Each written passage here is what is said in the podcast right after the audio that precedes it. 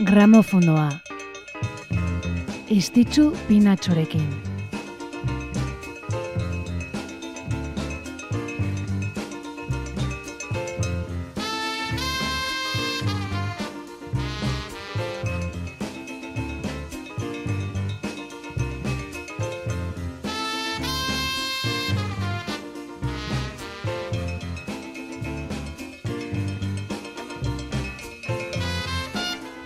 Gaueko amarrak dire asteazkena da eta astero tenore honetan egiten dugun legez gramofonoaren txanda da orain. Horrela izena duelako saio honek gramofonoa musika kontu ez aritzeko hori da efemerideak errepasatzen ditugu. Musika eta musikariei dagokienez, gaurko egunak utzitako albisteak errepasatzeko tartea da hau. Amarretan hasi eta amarterdiak bitarte aritzen gara, ordu erditxo batez, Eta gaur kontatzekoak ere prez ditugu, kantuak eta kontuak.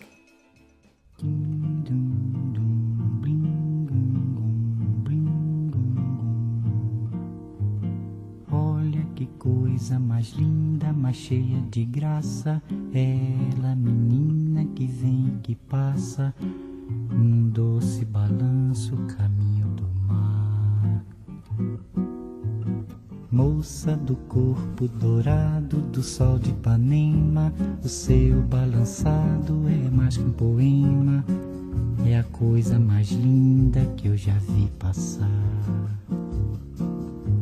Ah, porque estou tão sozinho?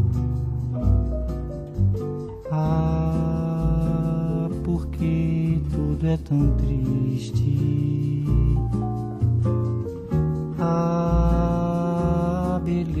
Existe, a beleza que não é só minha, que também passa sozinha. Ah, se ela soubesse que quando ela passa, o mundo sorrindo se enche de graça e fica mais lindo por causa do amor.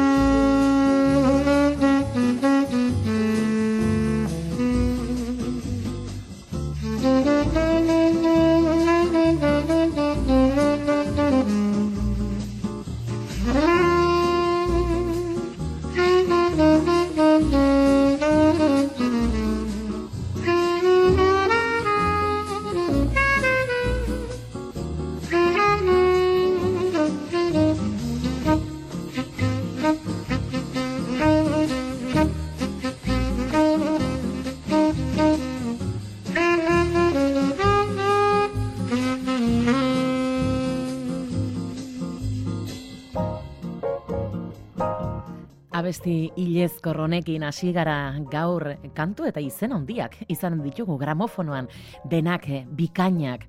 Garota de Ipanema, lenda biziko hause, aurkezpen handirik biarreztuena gargero, bino Antonio Carlos Jobim gogoratzeko jarri duguna. Mila bederatzerun da hogeita zazpiko urtarrilaren hogeita bortzean jaio zen, Rio de Janeiron, Antonio Carlos Jobim, Musikari handienetakoa pianista eta kompositore brasildar bikaina izan zen. Bosanoban aditua, jasera zentzu zurbildu zen eta arrakasta handia lortuzun estatu batuetan. Bertan hainbat disko grabatu zitun eta publikoa liluratzea lortuzun, batez ere jazz musikariak. Garota de Ipanema, Ilezkorraren egilea da bera, Vinicius de Moraes eta Joao Gilbertorekin batera ondutakoa. Brasilgo herri musikaren bultzatzailetako bat izan zen, bai bere herrian, baita kanpoan ere. Mila bederatzeron da larogeita malauan zendu zen, irurogeita zazpi urte zitula bihotzeko arazoengatik Antonio Carlos Jobim.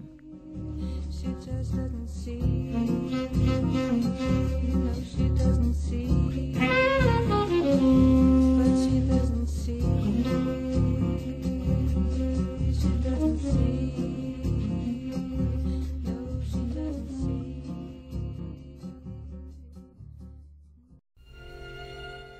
Bertze hainbat musikari beltzen biografiak bezalaxe, Loria eta Miseria txampon beraren bi aurpegi direla erakutsi zigun emakume erraldoi honen bizitzak, James eta Hawkins izenez, eta James izen artistikorekin izautu genuna.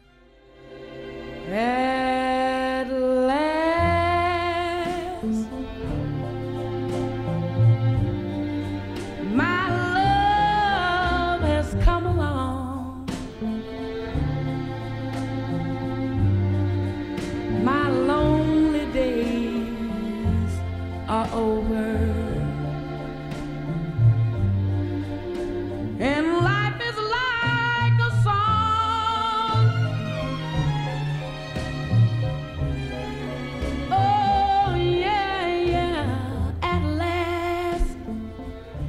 Mila bederatzireun da hogeita emezortzian Los Angelesen jaio zen eta James, eta gazte-gaztetatik otzandu ezinezko piztia izan omen zen. Irurogei garren amarkadan etak bere baliabide guztiak utzi zituen agerian, estenatokira igotzen zen bakoitzean eh, emakume adoretsu eta eh, lotxagabe xamarra bilakatuz. Eta hile hori izatera usartu zen emakume beltza, Bino konpainia txarrak, harreman toksikoak eta heroina ere izautuzun eta Jamesek. Maitaleak hautatzeko ere etzun agian begi onik izan. Bat bino gehiago izan ziren nonbait bere bizkar negozioa egin zutenak. Bino gizon manipulatzaile haiek bere maixurik onenak izan zirela aitortu izan zuen eta Jamesek. Edo nolare, horre guziak etzion kantatzeko zuen doaiari eta indarrari eragin, eta arazoak arazo, hogei garren mendeko bluesaren eta soularen erreginetako bat izan zen.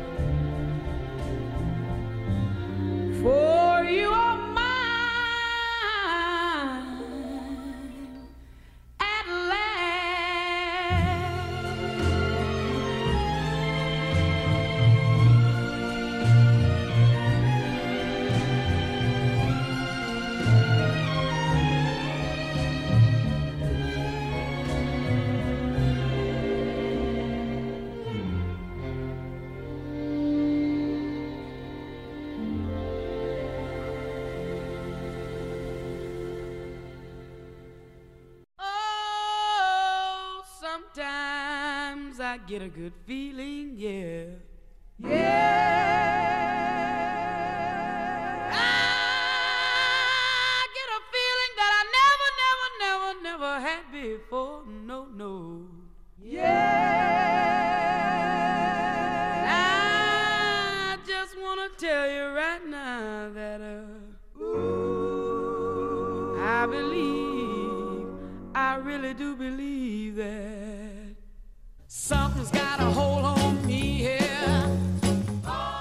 Sarrera duen kantu honek eh, etaren eh, indarra agerian utziz. Ba, atxekabez betetako ibilbideura, humorez, ironiaz eta estoizismo printza batzuekin igurtzizun, eta bere gizentasunak ere etzion, taula gainean ziurtasunez mugitzea galarazi. Eta arazo guzien gainetik, laro garren amarkadaren amaieran, piztu egintzen berriz ere, etaren musikarako garra.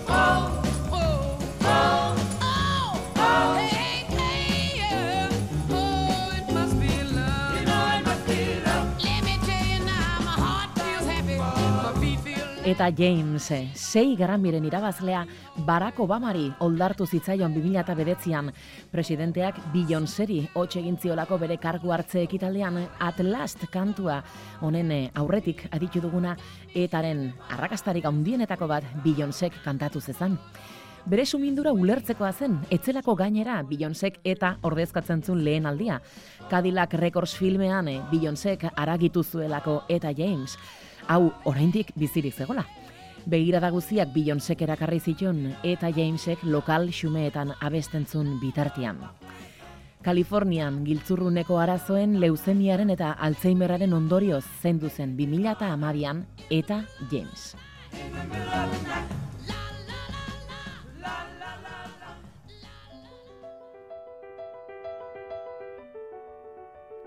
Gure omenaldi xumea eta Jamesi bere jaiotzaren larogeita bortzgarren urte hurrena bete delako gaur bertan. Eta emakume batetik bertzera, izen erraldoi batetik garaikoa den bertze batera. Bera da Alicia Keys.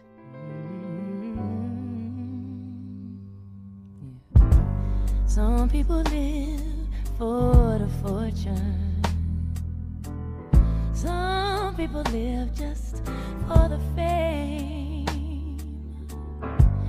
Some people live for the power, yeah. Some people live just to play the game. Some people think that the physical things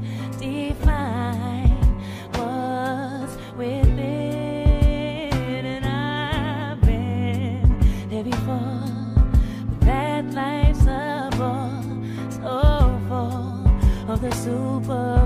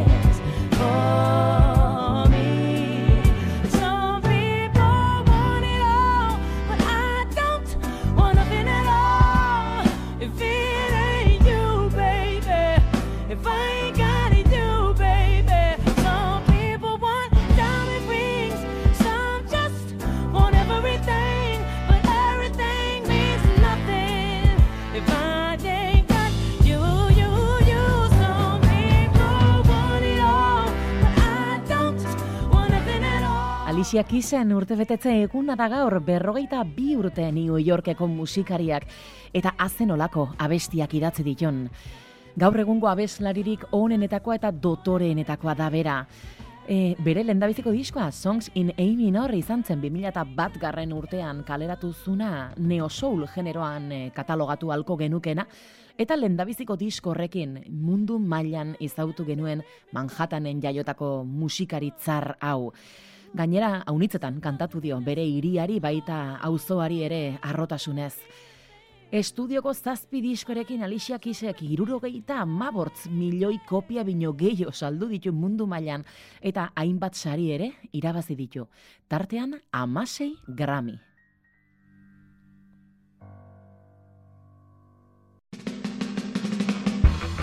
Erran bezala, Alicia Kisen urte betetze egun ari gara ospatzen gaur gramofonoan, bino ez da urteak betetzen ditun bakarra. Andy Cox, The English Beat, eska taldeko gitarra jolearen eguna ere badelako gaur.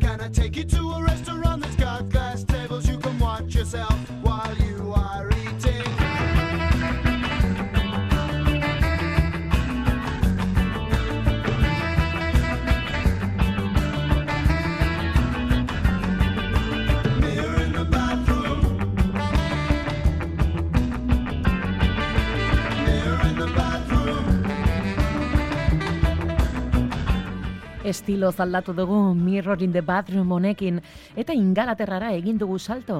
Bertan eska taldeak loratzen hasi ziren garaiko banda batekin. Irurogeita margarren amarkada bukaera zen, The English Beat sortu zuenean Andy Coxek. Bino ondotik, Fine Jaune, Cannibals eta Cribaby taldeetan ere ibili zen gitar jole hau. Andy Cox, gaur irurogeita zazpi urte. Gramofonoa, istitzu pinatxorekin. Gramofonoan segitzen dugu, bai, urtarrilak hogeita bortz ditu gaur eta Antonio Carlos Jobim gogoratu dugu, eta James eh, Soul abeslaria, Alicia Keys ere zoriondu dugu, eta baita Andy Cox eskar, eh, eska gitar jolea ere. Ba, oraintxe, aspaldiko bertze izen hoietako bat ekarriko dugu. Rockabiliaren erregina eta rock and rollaren lehen emakumezko abeslaria Wanda Jackson.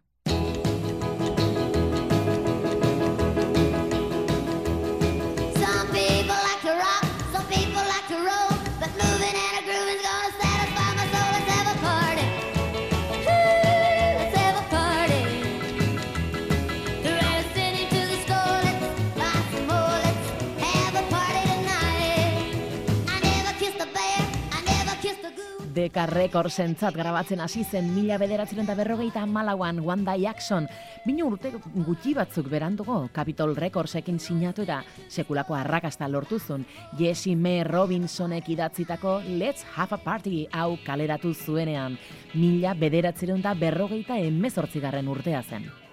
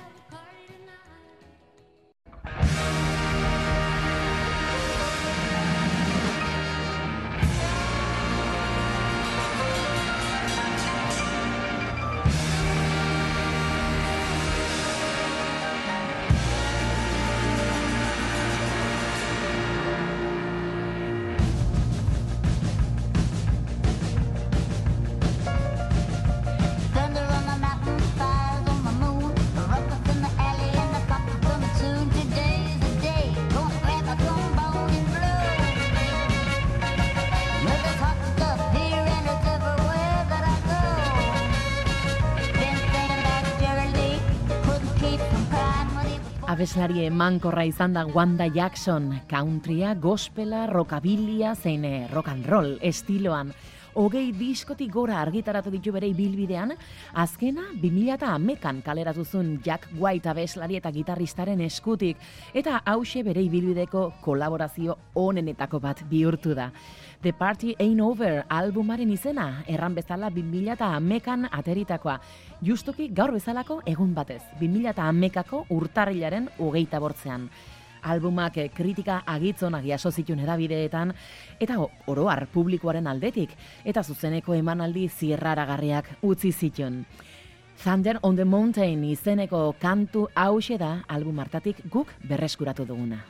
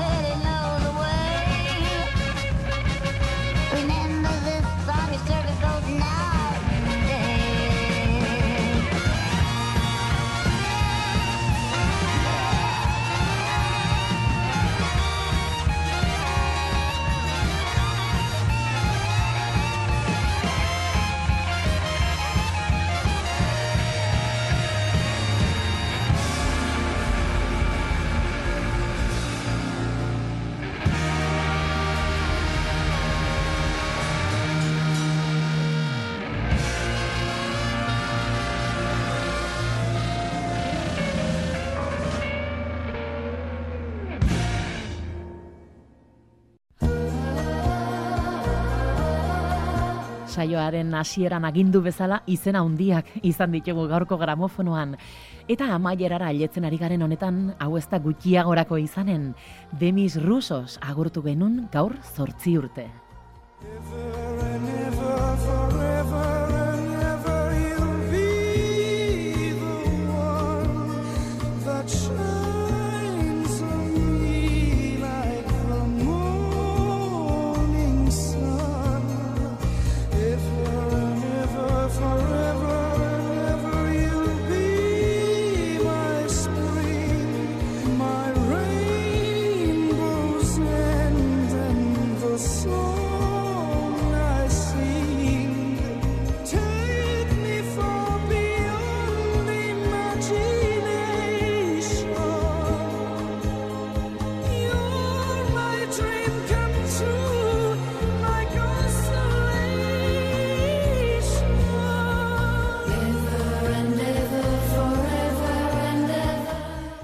2000 bortzean zendu zen Demis Rusos Egipton jaiotako kantaria. Irurogeita zortzi urte zituen eta erran bezala Egipton jaio bazen ere gurasoak greziarrak ziren eta beren herrialdera bueltatu ziren bizitzera greziara. Aphrodite Child, rock progresiboko taldeko kide zela egintzen ezagun, bino ondotik bakarlari gisa arrakasta lortuzun mundu osoan irurogei milioi disko bino gehiago salduz. Eta hile luzea, bizarra eta tunika zabalak erabiltzen zitunez, bazun olako look exotiko bat berak, baita bere emanaldiek ere. Erran bezala zortzi urte Demis Rusos zendu zela, eta guk Forever and Ever honekin bukatuko dugu. Urrengo astean, otxailan sartuko gara eta asteazkenan hementxe izanen gara berrirore, puntual puntual, zuen esperuan. Ames goxoak izan ditzazuela, Gabon.